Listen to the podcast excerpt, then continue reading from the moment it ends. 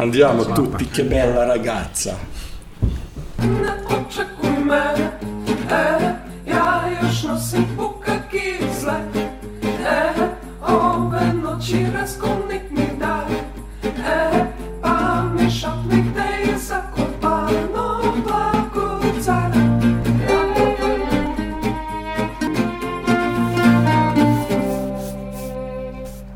Dobro jutro, dobar dan, dobro veče i dobrodošli u novu epizodu emisije Na platovu.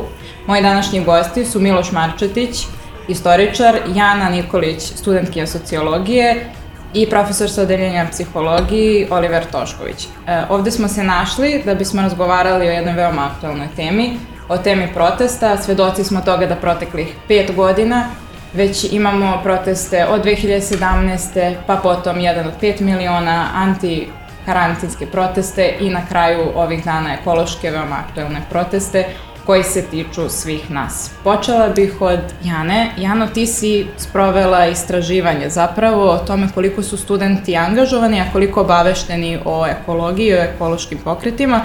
Pa možeš li da mi kažeš koje su, ne, koje su negde na, koji su nalazi zapravo tvog istraživanja i šta te navelo da istražuješ zapravo?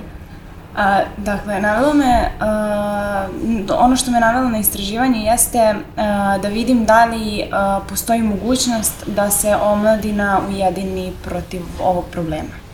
A, istraživanje je pokazalo da su studenti poprilično zainteresovani za to, a, kako se oni izjašnjavaju, a, obavešteni su i o kompaniji Rio Tinto, a, smatraju da su ekološki svesni, i 90% studenta smatra da bi studenti trebalo da se ujedine protiv ovog uh, problema. Međutim, Koliko je to u praksi negde tačno? Da, u praksi uh, kad smo imali uh, prethodne subote ovaj, okupljanje, bilo je planirano da se okupimo u velikom broju, dosta studenta se odazvalo preko društvenih mreža i sve, međutim na kraju nas je bilo dvadesetak. Sad, postoji dosta ovaj, razloga zašto je to tako bilo, dezinformacije oko toga da li ima protesta ili nema, padala je kiša, malo smo imali loše organizaciju, tako da razumljivo je da, bi, da je, očekivali smo manji broj, ali s obzirom da je nas u organizaciji bilo više, 20 ljudi je bilo baš ovaj, uh, razočarenje jedno veliko, ali ovaj, još uvek ne gubim nadu što u povećanje tog broja. Pa da. A, Miloše, vi ste bili učesnik tokom studija protesta 90-ih, 96. 7. ako, yes. ako se ne varam. Da li ovo na bilo koji način podsjeća na tu, to nakupljanje energije, izvinjavam se? Da kako je iskustvo bilo tada na kraju krajeva, kako ste se vi da. organizovali, koliko je to bilo uspešno? Jesam, bio sam učesnik svih protesta tokom 90-ih, završno sa 5. oktobrom 2000. godine. Ima dosta sličnosti uh, i ovaj protest, uh, stvari ovo je čini mi se prvi protest koji je okupio studente u malo većem broju od, od uh, 2000. pa na ovamo ne u tom broju kao studentski protest 96. 7. ni blizu, ali sam opet prepoznao tu neku dobru energiju. Ciljevi su sad potpuno, potpuno drugačiji. Mi smo imali jasan politički cilj da se priznaju rezultati lokalnih izbora koje je režim Slobodana Miloševića pokrao. A, to je nečuveni drugi krug e, izbora 17. novembra 96. sada, sada su e, zahtevi pre svega ekološki, ja sam potpuno oduševljen da, da se kod nas pojavila ekološka svest, pošto svi znamo, nažalost, koliko nam je prljava životna sredina, koliko ne vodimo računa, pa se nadam da će ovo biti neka prekretnica u, u, u tom pogledu i ovaj, malo je reći da sam oduševljen da, da su studenti konačno se probudili iz, iz dužeg zimskog sna i, i ustali. Oliver, vi ste bili takođe učesnik protesta 90-ih. Kako vi negde komentarište, da li možete povučiti neku paralelu između danas i tada? A, pa mogu, ja sam u odnosu na Miloše malo kasnije došao da, da studiram, pa ali moja prva godina studija je bila 96. i bukvalno je se studirao dva meseca, odnosno meseci i po dana i krenuli su protesti.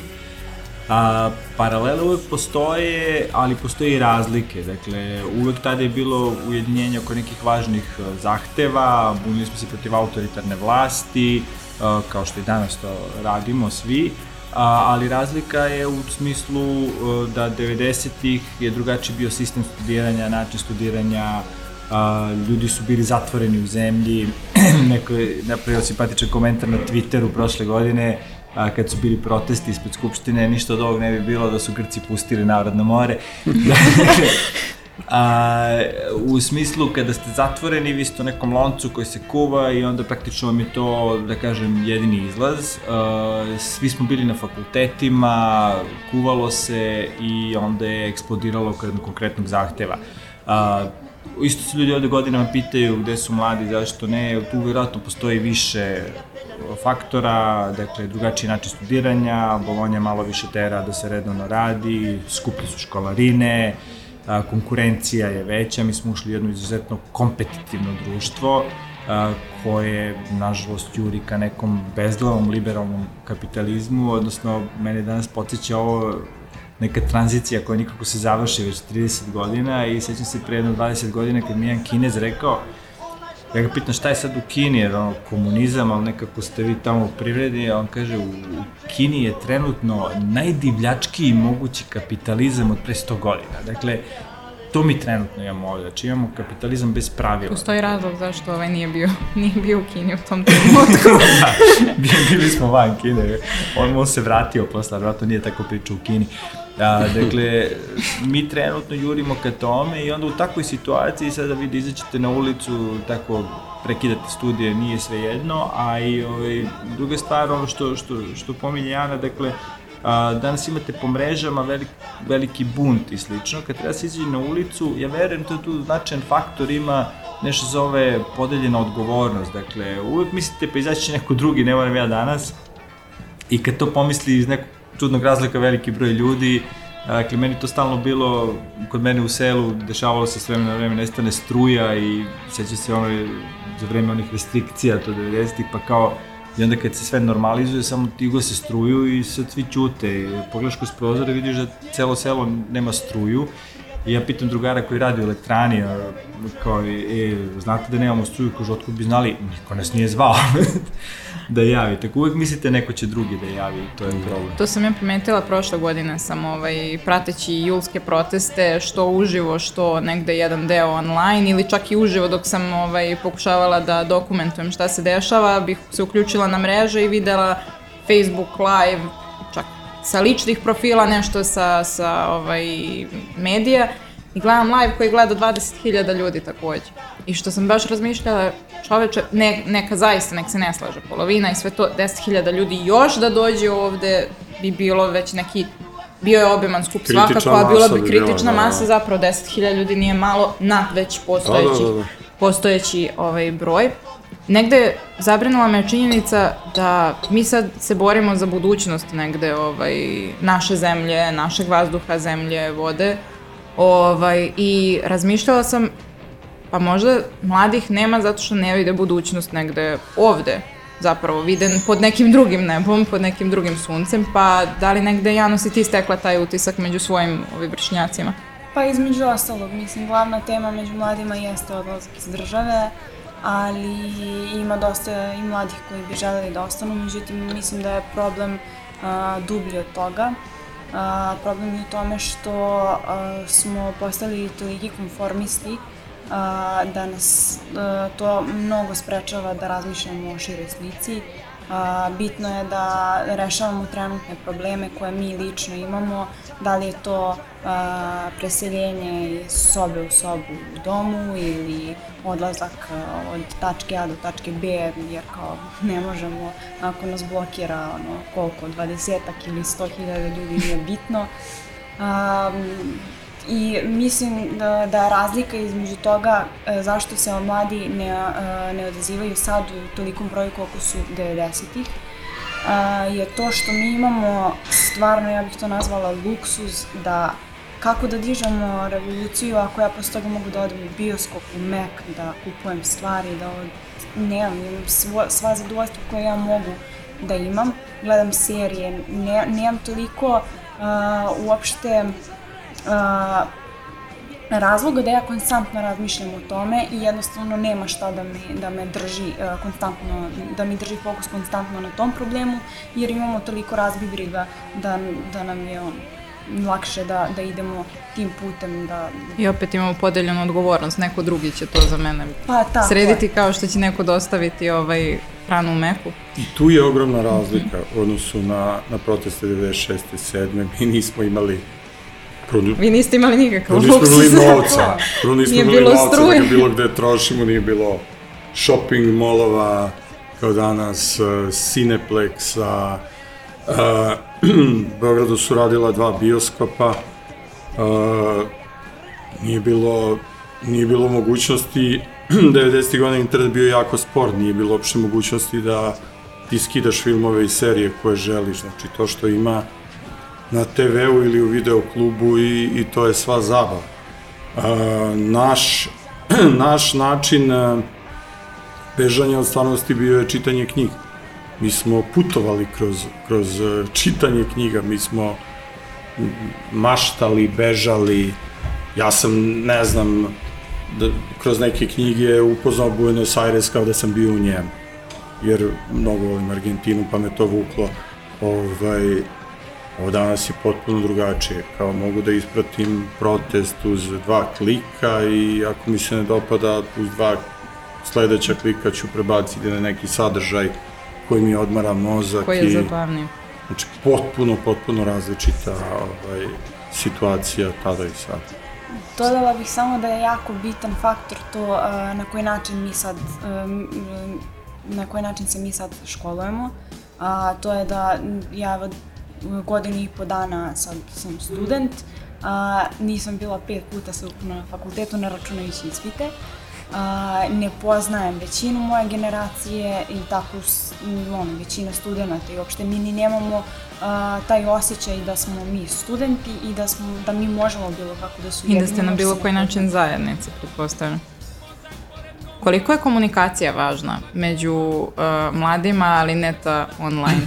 Koliko pomaže ili koliko, da li online u stvari komunikacija pomaže da se pozovu ljudi na akciju ili zapravo više pasivizuje ljude, kako bih rekao? Pa, mislim i da, i da pomaže i da odmaže, dakle, kao i svaki novi kanal komunikacije. Nedavno jedna moja drugarica rekla da je pandemija komunikacijska katastrofa u svetu. Znači, potpuni haos se desio na toj razini komunikacije, dakle, i prenosa informacije o vakcinaciji, o stanju u društvu i slično. A, tako da je, mislim, pandemija još dodatno uvećala probleme komunikacije koje mi već ovde imamo uh, 10 godina sa političkim stanjem a, ili ih ogolila. A, mislim da su društvene mreže, a, da ih malo branim, a, važan kanal komunikacije baš u ovoj situaciji. Dakle, ok, kada su mladi raštrkani, online je sve, onda društvene mreže su način da se podigne aktivizam. Dakle, to smo videli kako je kreni promeni upravo koristeći društvene mreže podigao. Videli smo sa arapskim prolećem, sad će će me optuže da zazivam arapsko proleće ovde. Stiže proleće. ovaj, a, društvene mreže su bile kanal kako je to iskomunicirano i kako su ljudi izašli na ulicu. Tako da, a, mislim da a, u, u, nije suština u tome da tražimo krivca u mladima ili u trenutnoj promeni. Ljudi su ljudi, mislim, se razumemo, to ne, razlikuju se malo, ali nije, A, ali mislim da je važno da ono što nedostaje, na, nedostaje organizator svega toga. Znači, recimo, ova emisija je bitna u tom smislu, da se prenosi neka poruka. Dobar deo toga šta je nedostajalo, nedostali su mediji, sada već imamo formirane, da kažemo, opozicione medije, pa prenosi se neka druga poruka. Um, mislim da je problem koji nastaje sad sa društvenim mrežama i online komunikacijom s jedne strane dobar, s druge strane loš, e, to je ta diversifikacija, znači mi se trenutno u medijskom nekom prostoru nalazimo na jednoj ogromnoj buvljoj pijaci, dakle to, i, tu, i to neorganizovano. Dakle, uđete i to je, ja se stalno izgubim kad odem guljake ili ove moderne shopping mallove, ma koliko delovali organizovano, Da. nađeš ništa da ti treba. Znači, to je naš medijski prostor. To je i namera da se zagubite u stvari u svemu tome, u tom obilju. Da, znači to, to je ona čuvena rečenica, uh, konstantni medijski pritisak i obasipanje uh, lažima po medijima, uh, nema point toga da vi poverujete u laži. jer mislim niko normalno ne misli da ćete verovati one gluposti koje čujete na, na TV-u, ali je poenta da se zatrpa istina da ne možete nađete među lažima. I to se danas dešava. I sad vi kad, kao mlad ili star čovjek, nebitno, znači ja kad uđem na net, ja sam malo stariji, ovaj, ne, ne znam odakle da počnem, šta da tražim kao vez, dakle, iskači gomile stvari i sada treba nešto što će biti kultna emisija ili organizacija koja će da povede to i da nametne temu kao, kao, kao neka reklama koja će biti dominantna i oko toga će mladi vrlo brzo da se, da se okupe i mislim da je važno da im se konstantno, pored svega toga, prenosi jedna važna poruka, da ću dozvoliti sebi da interpretiram slobodno Nashov ekvilibrium, dakle čuveni mm -hmm. matematičar John Nash, dakle čovjek je dobio Nobelovu nagradu za ideju da svaka konačna igra, a život je konačna igra, može uvek da se završi sa optimalnim rešenjem po svakog igrača pod uslovom da uzima u obzir potencijalne poteze drugih igrača. I tu imate onaj plastičan primer toga, meni simpatičan u filmu uh, Beautiful Mind, tako sad oni se dogovaraju, ulaze 4-5 devojaka, ulaze u kafić, koje da priđu i sad kaže ako igramo sebično, svako misli samo na sebe, onda će svi prema najlepšoj tamo plavuši nekoj da se zapute, a ona će onda da odbije sve jer ih je puno i osjeća se važno, a onda će njene drugarice da ih iskuliraju. Znači ona je ono savršeno rešenje. Jer one već nisu važne. Jer one već nisu važne, tako ona je kao to savršeno rešenje kad su svi sebični. Međutim, ako sarađuju, ako uzimaju u obzir poteze drugih igrača, pa kažu iskulirajmo ovu umišljenu, a ne drugarice svi, onda će dobiti zapravo svaki igrač optimalno rešenje. I to je dakle rešenje svega, samo treba neko konstantno da prenosi tu poruku, tako, da, možda razmišljam o kraju studija i hoću da završim svoje, šta me briga tamo što će u zapadnoj Srbiji da poruše celu Srbiju, da izgleda neki rudnik, pa ću da se otrujem za 10 godina, a sad mi je važna diploma, pa bolje da razmišljaš ili tako da se ti i tvoja deca ne otrujete za 10 godina, u kojem slučaju da imaš gde da živiš za 10 godina. Jer, I čak i da razmišljaš da se oceliš u Nemačku, pa i u toj Nemačkoj ćete sačekati isti problem. I Černobil je sačekan u Skandinaviji negde, pa Upravo. Ovaj, ekologija, ekologija ne prašta. Um, sad sam razmišljala o tome, zapravo i roditelji su nekada često beshrabrujući element e, ajde nemoj se baviš ti time, idi završite svoje studije, zaposli se, idi u inostranstvo, šta se bakćeš sa time ili onako nećeš živeti ovde i šta tebe briga, pusti nas ovde, kao mi ćemo se snaći, kao, a samo snađi se ti prvo. Pa negde, ovaj, Jano, u stvari tebe bih pitala, da li smatraš da je važno da zapravo imamo u vidu i druge i budućnost i da li ovo pokazuje da nam ekološka svest nije na tom nivou na kom, na kom bismo voleli, na kom studenti kažu da jest. Da, zanimljivo mi je što smo imali pitanje u anketi kolika je, uh, kako ocenjujete vašu ekološku svest i kako ocenjujete ekološku svest drugih. I naravno ekološka svest drugih je ocenjena sa najnižim ocenama, a sobstvena sa najvišim što uopšte nije realno. A, mislim da ljudi uopšte nisu svesni koliko nisu svesni ekološki. A, ne, samo, mislim, ne mislim samo na osad ljudi, mislim i na sebe lično. Mislim da je to izuzetno malo. Ali su svesni koliko drugi nisu svesni. Nesvesni svoje nesvesni. Ne, ne, da. da, nesvesni.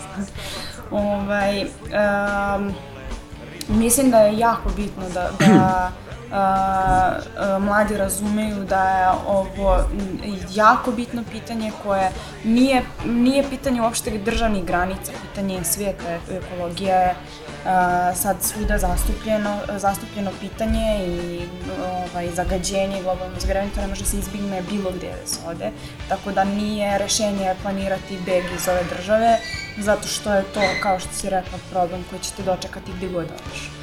Uh, mislim da je uh, problem što uh, je nama uh, okvir razmišljanja jako smanjen tim društvenim mrežama i načinom sad školovanja i to. Uh, mi smo uh, zanimamo se nekim nebitnim stvarima i to nam troši i vreme i snagu za neke o, bitne stvari kao što je ovo.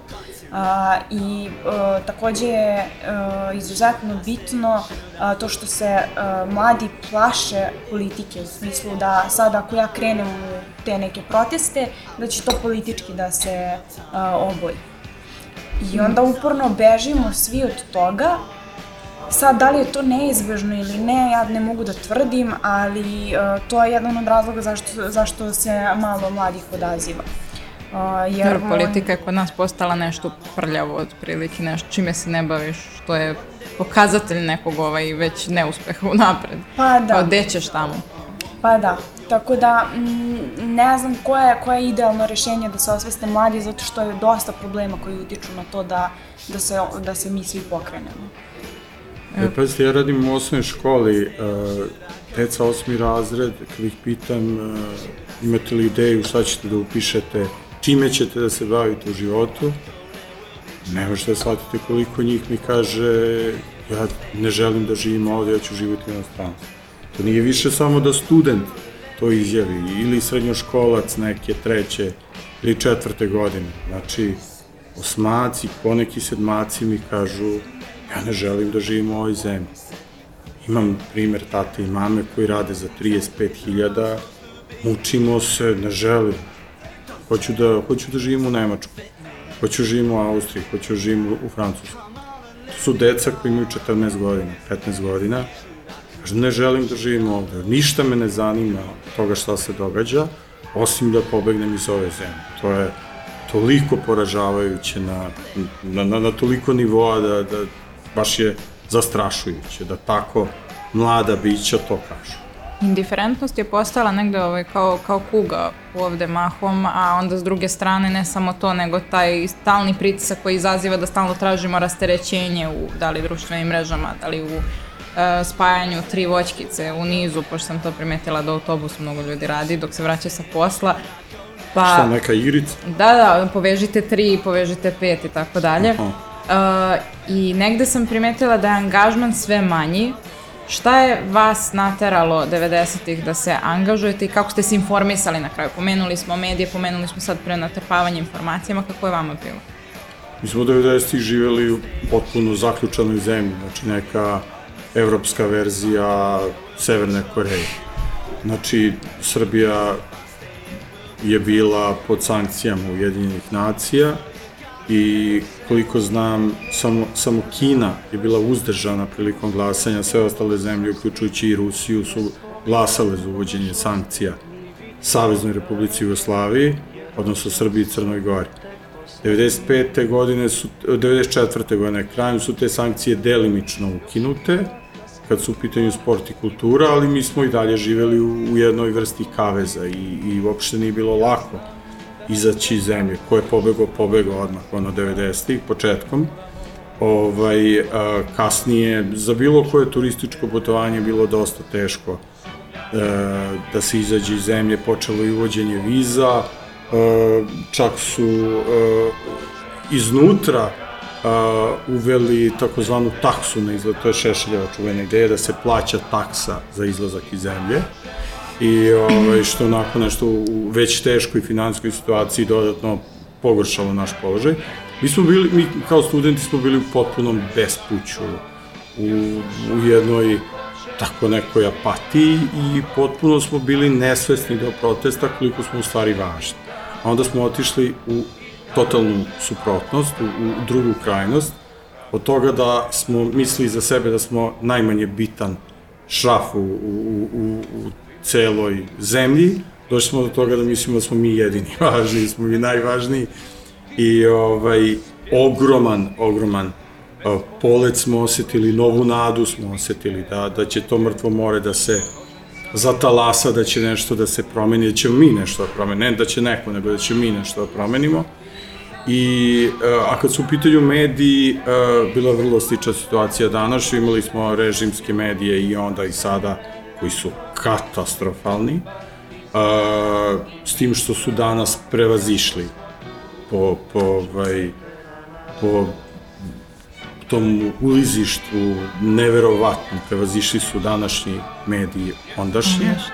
Uh, isto su postojali nezavisni mediji gde se mi informišemo. Mi smo imali od štampanih medija, od dnevnih novina našu borbu, koja je kasnije ugašena pa je osnovan danas.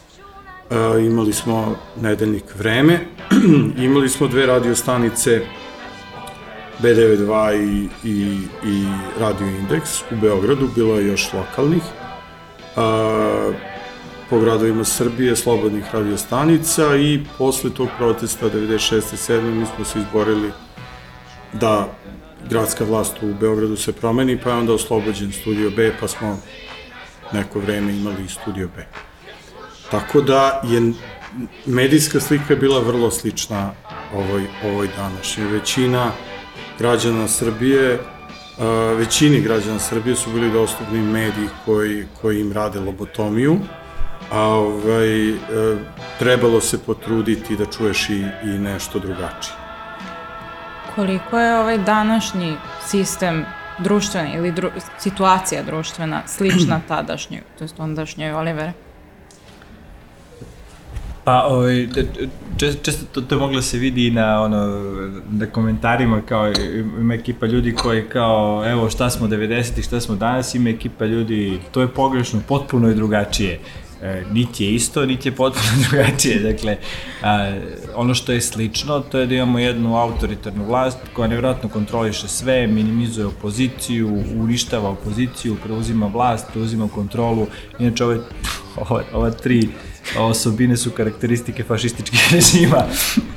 ovaj, bukvalno, ali ovaj, ne mislim da je ovaj naš režim fašistički, naravno, ali stvarno kad pogledate definiciju, uplaši se čovek. A, I to, to je i 90-ih bilo. 90-ih možete razumete čak ono Miloševića i njegovu ekipu su nasledili ono komunistički sistem, pa im je valjda to se podrazumevalo nekako da rokaju po opoziciji. Ovde je sad malo to teže. Šta je razlika? Razlika je upravo u tome, dakle, što smo istekli malo pre, dakle, on je još lepo pričao, dakle, kako je stanje bilo 90-ih, gomila ljudi je bilo e, ispod neke granice siromaštva, bila je kriza 93. To, to su, ljudi su u Beogradu išli košnjak beru koprive da, da kuvaju, znači, to ne, nemate šta da jedete. E, danas je situacija takva i ja sad ne znam da li to namerno rade ili im prosto ide na ruku, pa su skontali da je dobro, a, da, da većina stanovništva se drži, dakle, kao kad visite sa litice, a neko vas drži na tankom ono končiću i vi nic smete da pustite, nic smete se batrgate mnogo da ne pukne. Znači, većina ljudi dobija onako kinte taman ono na kašičicu da preživi, pa ako nešto zineš da kažeš protiv, ode i ta kašičica tako, pa pla, plašiš se da ne padneš ispod granice. Malo je te... lakše kad niko nema ništa onda. Da, onda, onda i znaš zašto se boriš, to je ovo što Jana kaže kao tu nam je sve nešto i onda frkati da i to ne izgubiš i to balansiranje da držiš većinu stanovništva na granici nečega. Znači svi imaju neku platicu da prežive i onda mogu da dođu i da kažu idi sutra glasaš ili mogu da dođu i napune autobus iz državne institucije i kažu svi na miting.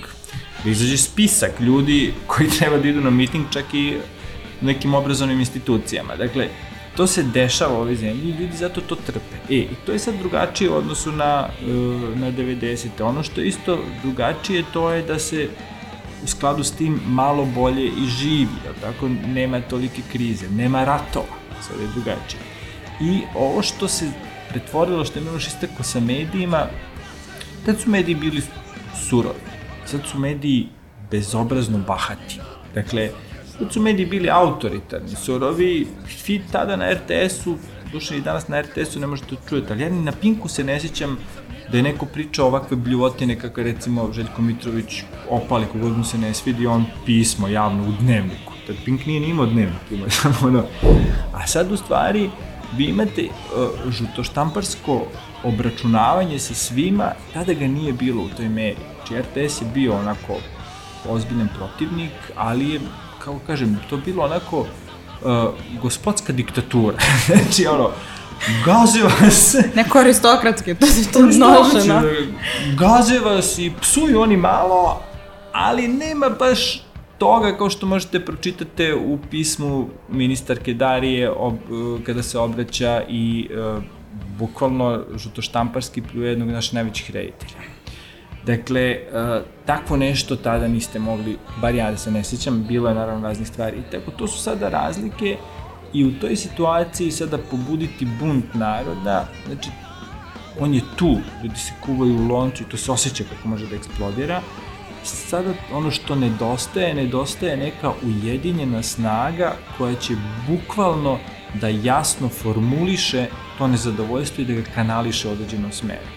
Dakle, naše nezadovoljstvo šiba na sve strane Znači, fali nešto što će to da oblikuje i kaže, ok, gruvajmo sad na ovu stranu, svi zajedno, pa ćemo... Pa ćemo Sutra, nadalje. sutra u informeru Oliver, Jana i Miloš imaju tri vile na Ženevskom jezeru. Bogdan i ja takođe. A što samo tri? A što samo tri? Što samo tri, da. da, Da, to, ili to je čuvena, čuvena ovaj, e, izbori izbori 92. recimo i ankete pokazuju da Vuk Drašković ima ozbiljne šanse da pobedi Slobodana Miloševića u, u, u ve, to veče pred izbore, predizborna tišina, izlazi u dnevnik RTS-a neka čuvena režimska novinarka Mila Štula i objavljuje ekskluzivnu, o, ekskluzivno saznanje da Vuk Drašković ima vilu na Ženevskom jezeru koja košta ne znam koliko, koju je dobio od Amerikanaca da podriva Srbiju i srpski narod. A onda najluđe, Vuk naravno gubi izbore ubedljivo, onda Vuk demantuje, kaže, ali Ženevsko jezero ne postoji. Sad, Da li- postoje- e, jezero se zove Lemansko jezero, ali eto, pošto je u Ženevi se ga ga Ženevsko jezero, onda on vrlo nezgrapno to ovaj, demantovao. Šta o društvu u kom živimo govori e, banalizacija jezika, banalizacija politike, banalizacija skupštine i na kraju ta, e, određeno banalno ophođenje političara prema, prema svojim sugrađanima na kraju krajeva. Šta to govori o nama? Šta govori o nama, govori da smo potonuli kao društvo. Ne, nestvarno koliko smo potonuli. Uh, ajde, ajde da pođemo od, od običnog čoveka. Uh, običan čovek, kad ste videli posljednji put uh, u, u gradskom prevozu neko čita knjigu? Kad ste videli da neko čita, čita novi? Pa reto, da. Ja, ja moje đake pitam svakog 1. septembra Šta ste čitali Šta ste čitali na raspusta? raspustu? Oni misle da je to pitanje s kojim ih ja zezam. Umiru od smeha, kao, ovo je lud, kao, što bi na raspustu čitao Bio je to je vreme da se odmorim, kao. A, ajde, ka- okrenem, kažem, a, da li iko pročitao neki strip? Stripovi su, po mom mišljenju, jako bitni za, za razvoj jednog deteta, strip, kao što razvija maštu. Drugo što strip razvija osjećaj za pravdu. U stripu uvek ima neki negativac, neki pozitivac, razvija kod deteta osjećaj za pravdu. Strip e, u krajnjem slučaju v- vežba da čita, e, može da povećava svoj fond reči, u stripovima vrlo često ti junaci idu neke e, nepoznate krajeve, znači deca mogu da nauče neke nove pojmove iz geografije. Strip je važan na toliko nivoa, da li je neko pročitao strip? Šta je to strip? Ko čita? Za onu, ovaj lud, kao knjige, stripove. Šta ste radili tokom raspusta?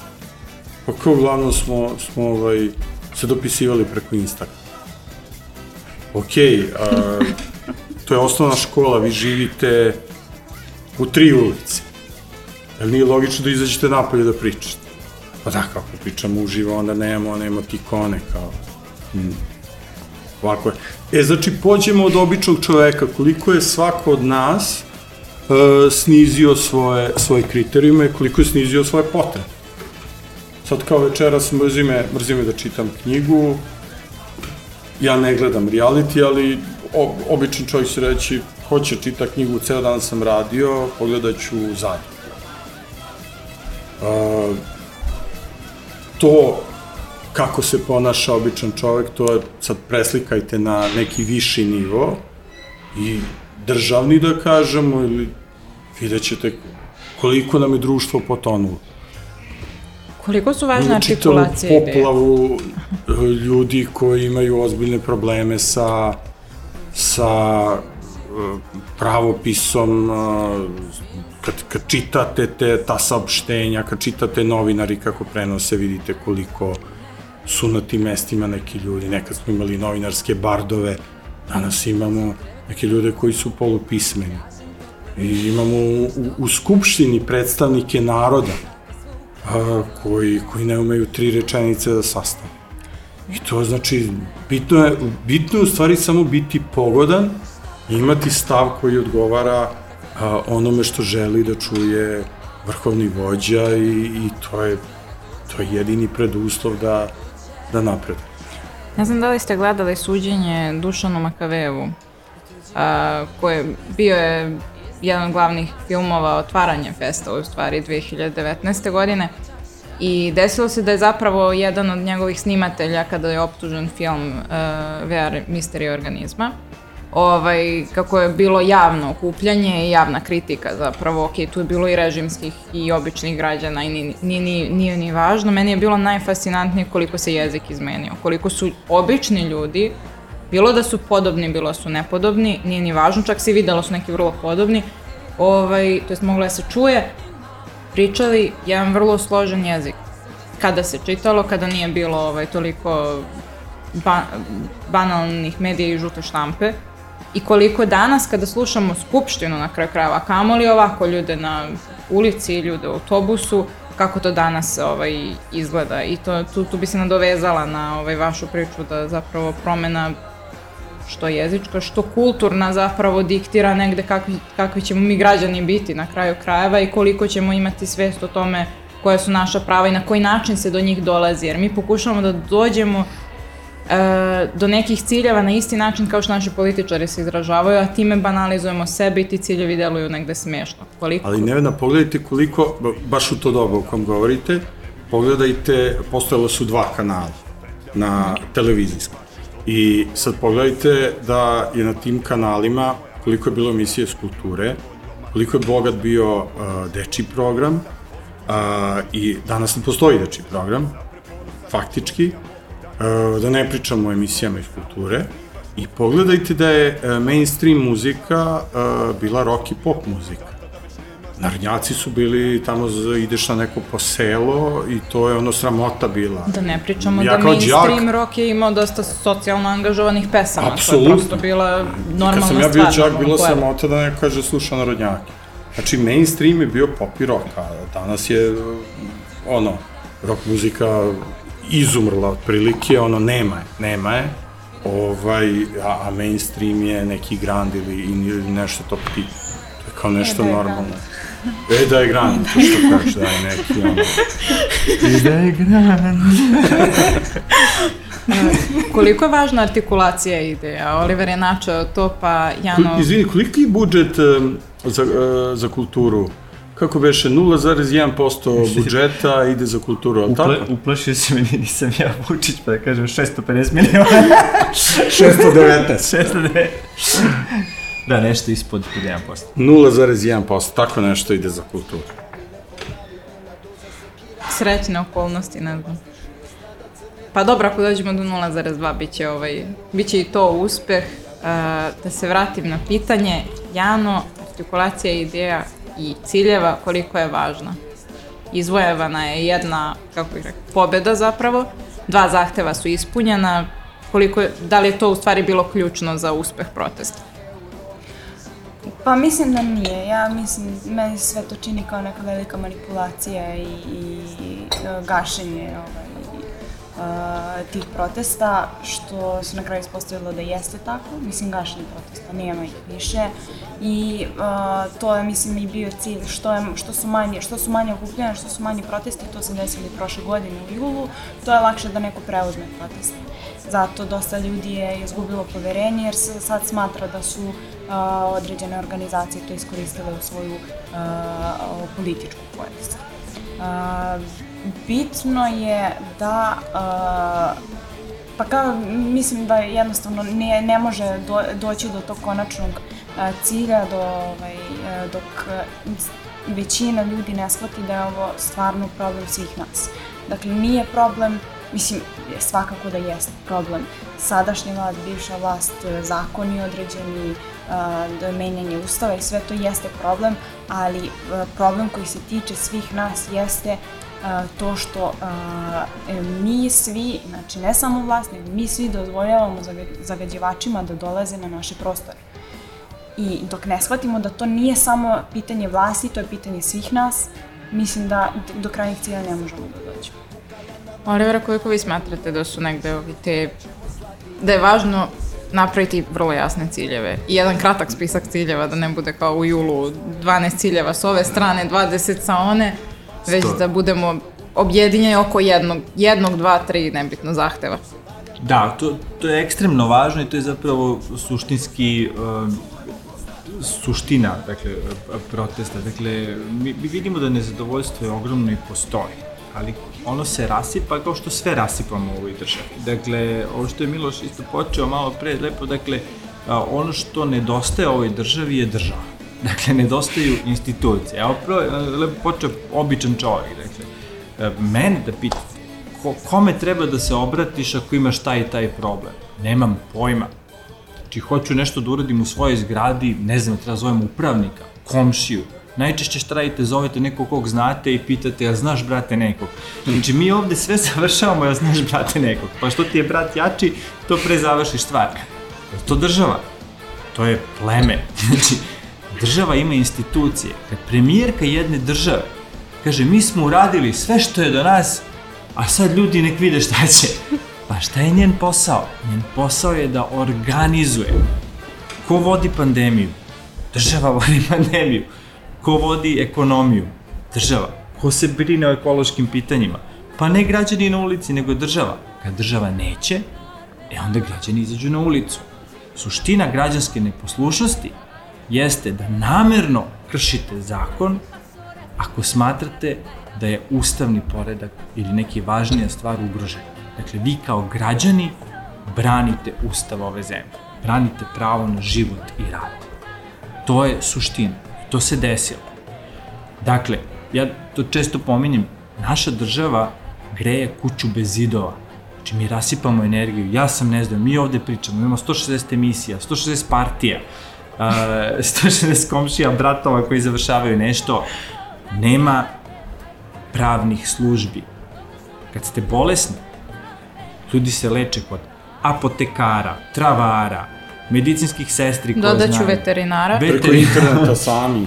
Viber grupa interneta sami, jel tako? Niko ne veruje institucijama države, tako?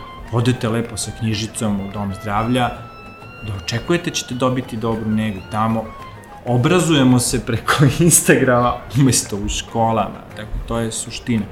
A, I glavna zasluga ove vlasti je što je razorila još više te zinovite institucije. U toj situaciji je jako bitno da postoji postoje kanali koji jasno formulišu i kanališu sve, pa i nezadovoljstvo. Trenutno na protestima se vrlo lako desi to isto. Krenete od nekog jasnog cilja, jasne institucije protesta, i onda tu svako vidi priliku, hoće nego, onda krenu ljudi da, da šire, nema ne, neke jasne... Zato ja mislim da je dobra bila ova ideja da postoje dva jasna zahteva, kada se ispune zahtevi, Uh, iskren da budem, niko nije očekivao da će Vučić to toliko brzo da reši, što vam zapravo govori koliko se on uplašio protesta. Da. I koliko protesti u stvari, kada se okupe ljudi, kada po, preduzmu neke radikalnije mere kao što je blokada autoputa i gomile drugih puteva u manjim mestima, ovaj, zapravo jeste jedan vid neposlušnosti koja uzdrma vlasti ako smo Jeste. mi često mišljenja neće se ništa promeniti. Upravo tako, i tu se oseti važnost i on je prepoznao da mu je jedini izlaz da što pre to prekine. Jer ovde je bila Da, da, sjajna da. ideja blokada sat vremena, blokada dva sata naredne, naredne tri sata i shvatio da neće biti dobro. A krenuo je protest da raste.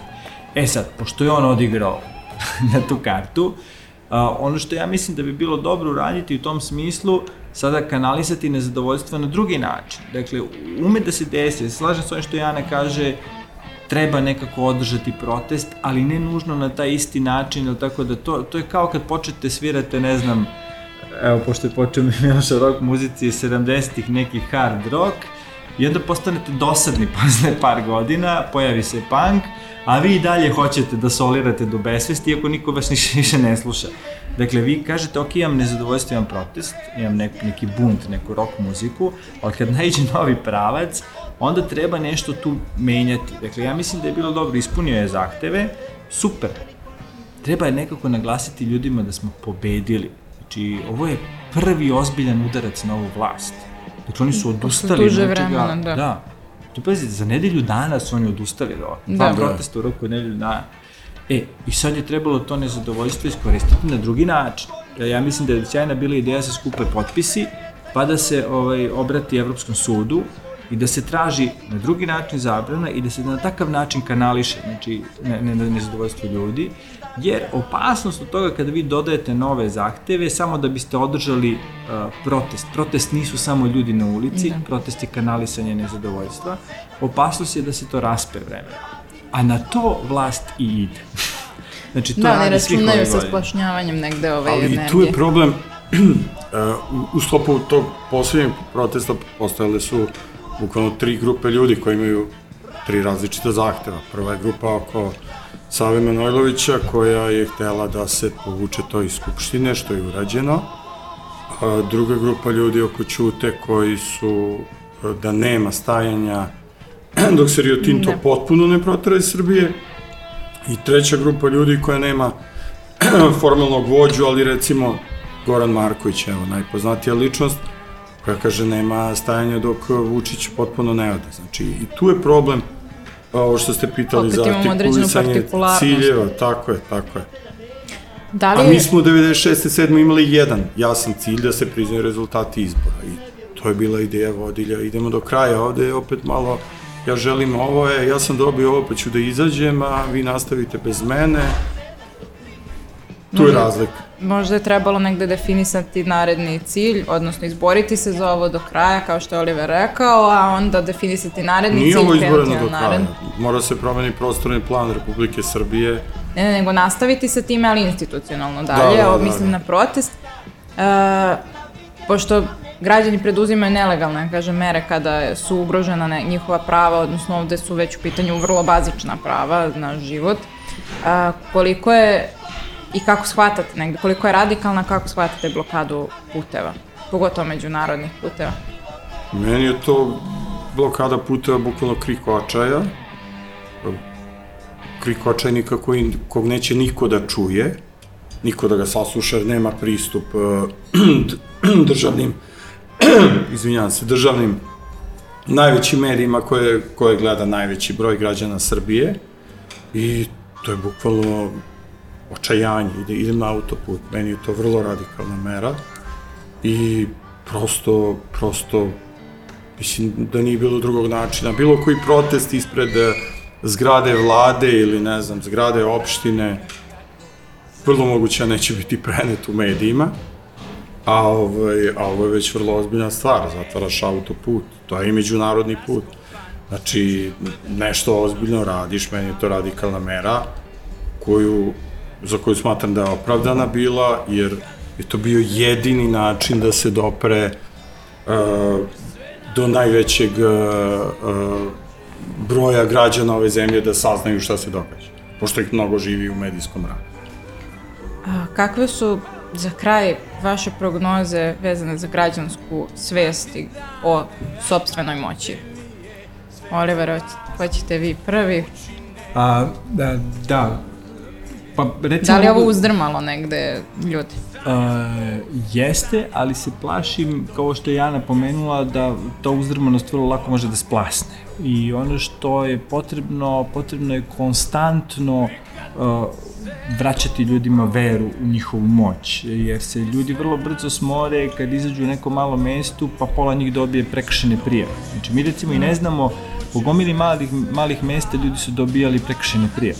Zapravo najhrabriji ljudi su bili oni koji su u malim mestima gde svako zna, svakoga izašli na ulicu, u trg, nebitno, pešački prelaz prelazili bilion puta da bi blokar, blokirali neku saobraćajnicu. I većina tih ljudi je dobila prekršene prijeve. Da. I sad je ono dobro da se ta vest nekako raširi, da svi mi pomognemo, to, to je solidarnost, to je nešto ekvilibrijum. Dakle, mi moramo da sada nekako se organizujemo, da pomognemo tim ljudima. Nije problem, verovatno, većini ljudi da plati 5000 dinara s popustom kaznu za 8 dana, ali bilo bi dobro da se tu pokažu sve organizacije civilnog društva i opozicione partije da nekako pruže pravnu podršku. Ja znam da već gomila advokata pruža besplatnu podršku tim ljudima, ali o tome treba da se čuje. Jer će se tako ljudi osetiti zaštićeno i tako će se održati neka snaga naroda.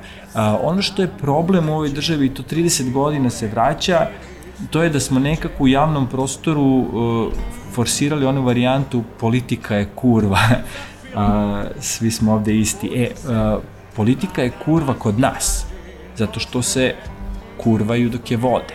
Dakle, mi svi doživljavamo politiku uh, kao završim i završit ću ti. Ja, gomila mojih prijatelja... Dođem ti majke mi. Dođem ti majke mi, da. Ili to, to, to ima sasija onu stvar, neku no problema, pa, pa kaže glave će mi doći te, vale, te male pomoći, u smislu to, završit ću ti ja to, pa onda ispadne platiš još više na kraju. Dakle, To je cena samo za tebe. To je cena samo za tebe, da. Uh, da, i onda ta varijanta politike koja se ovde serija, gomila mojih prijatelja čak ima utisak kao kad ne znam, se promeni vlast, pa kaže, e sad će ovi vaši da dođu, pa sad će vama da završe vaše stvari, pa, pa će onda naši da dođu. To je u stvari način na koji se ovde servira šta je politika. Ekološka pitanja su politika. Politika zapošljavanja je politika. Obrazovna politika je politika. I kad bi građanima one stvari koje oni osjećaju predstavili kao politiku, i to se desilo sa ovim protestima, čoveče, uzimaju ti kuću i zemlju i onda čovek izađe na ulicu, kaže ne može. Nama je predstavljeno zapravo politikanstvo za politiku. Kao politika, upravo tako. I to je, to je ono što je ovde veliki haos i mislim da je važna uh, misija svih nas koji se nekako bavimo i obrazovanjem ili javnim radom ili što god, da vraćamo ljudima tu ideju. Ne moraš ti da se boriš protiv Vučića ili da razmišljaš o Đilasovim milionima ili o Vučićevom bratu ili ne znam. Razmišljaj čoveče o tome ko će ti zaposli sutra dete. Razmišljaj što će ti diše dete.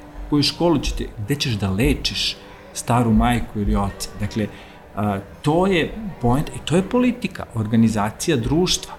A, I to treba stalno da se vraća građanima i da bi se oni održali na nekom nivou aktivizma, jer u krajnjem slučaju završit ćemo kao potpuno anarhistično društvo, ja eto, pre jedno desetak dana sam pričao s prijateljem iz, iz tamo mog mesta, koji kaže oni na skelama na elektrani rade, ne na ovoj koja je stala zbog blata, deo se istog sistema, Dakle, ovaj, kaže, skidaju skelu i kaže, kako skidamo skelu? Pa kaže, popnemo se i skidamo. Kaže, ja sad odšafljam gornji element, pogledam, kaže, kolega ispod mene dva sprata skida element tamo i srušit će se obojica, što nema nekog koji ih organizuje.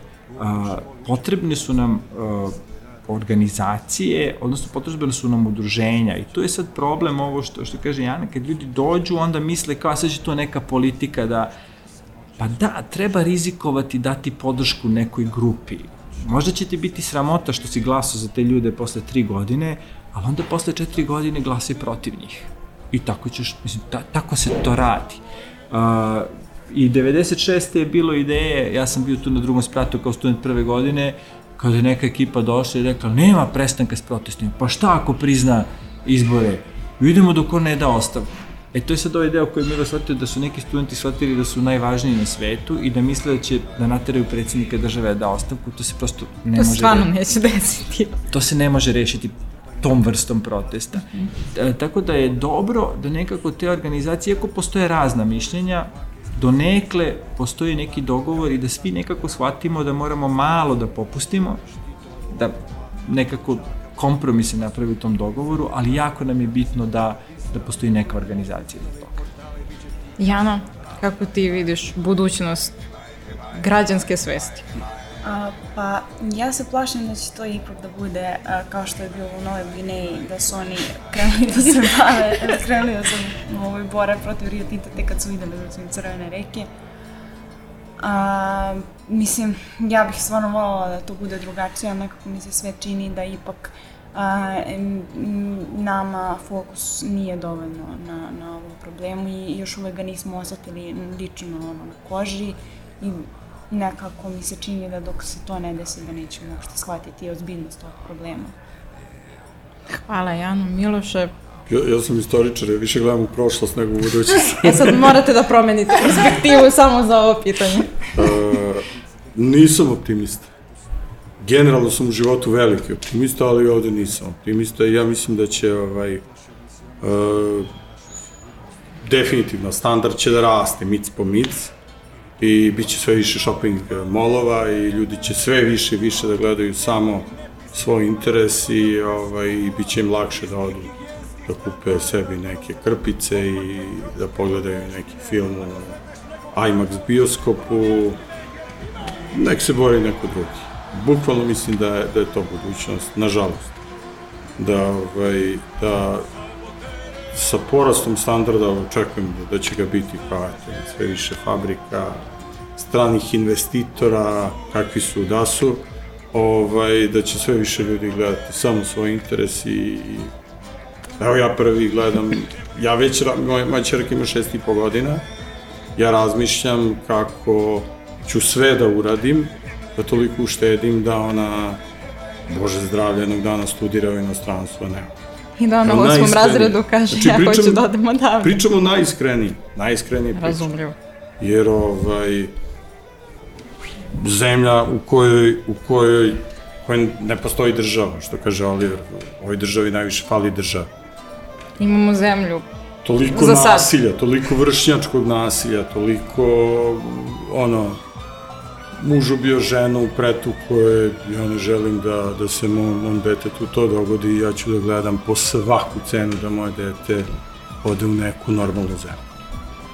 Ako mogu da, da, Može, da sam, samo da, da, da ovo jedna, a, ako gledamo previše u budućnost, onda će ti ljudima opet biti previše abstraktno, a, mislim da treba fokusirati na konkretnije probleme i tako održavati tu svest o moći, jer a, svi imamo veći utisak da možemo nešto da uradimo za sutra, a za 10 godina ipak deluje i či- čisto eto da podsjetimo na tu stranu a, što bi u jednoj seriji rekli ono winter is coming, a, kod nas je još važnije proleće nam dolazi. Ja da opet. Mi se vratimo na petoljetke, možda bude Nisam, ovaj nisam bolje. optimista, eto, to, to je zaključak. Hvala vam što ste bili gosti uh, ove epizode, hvala što ste popili kafu sa mnom. Vama hvala što ste nas pratili. Ja mogu samo da se nadam da će naše društvo biti bolje, a poruka ove emisije za sve i sa strane pozicije opozicije, negde, šta ako uspe.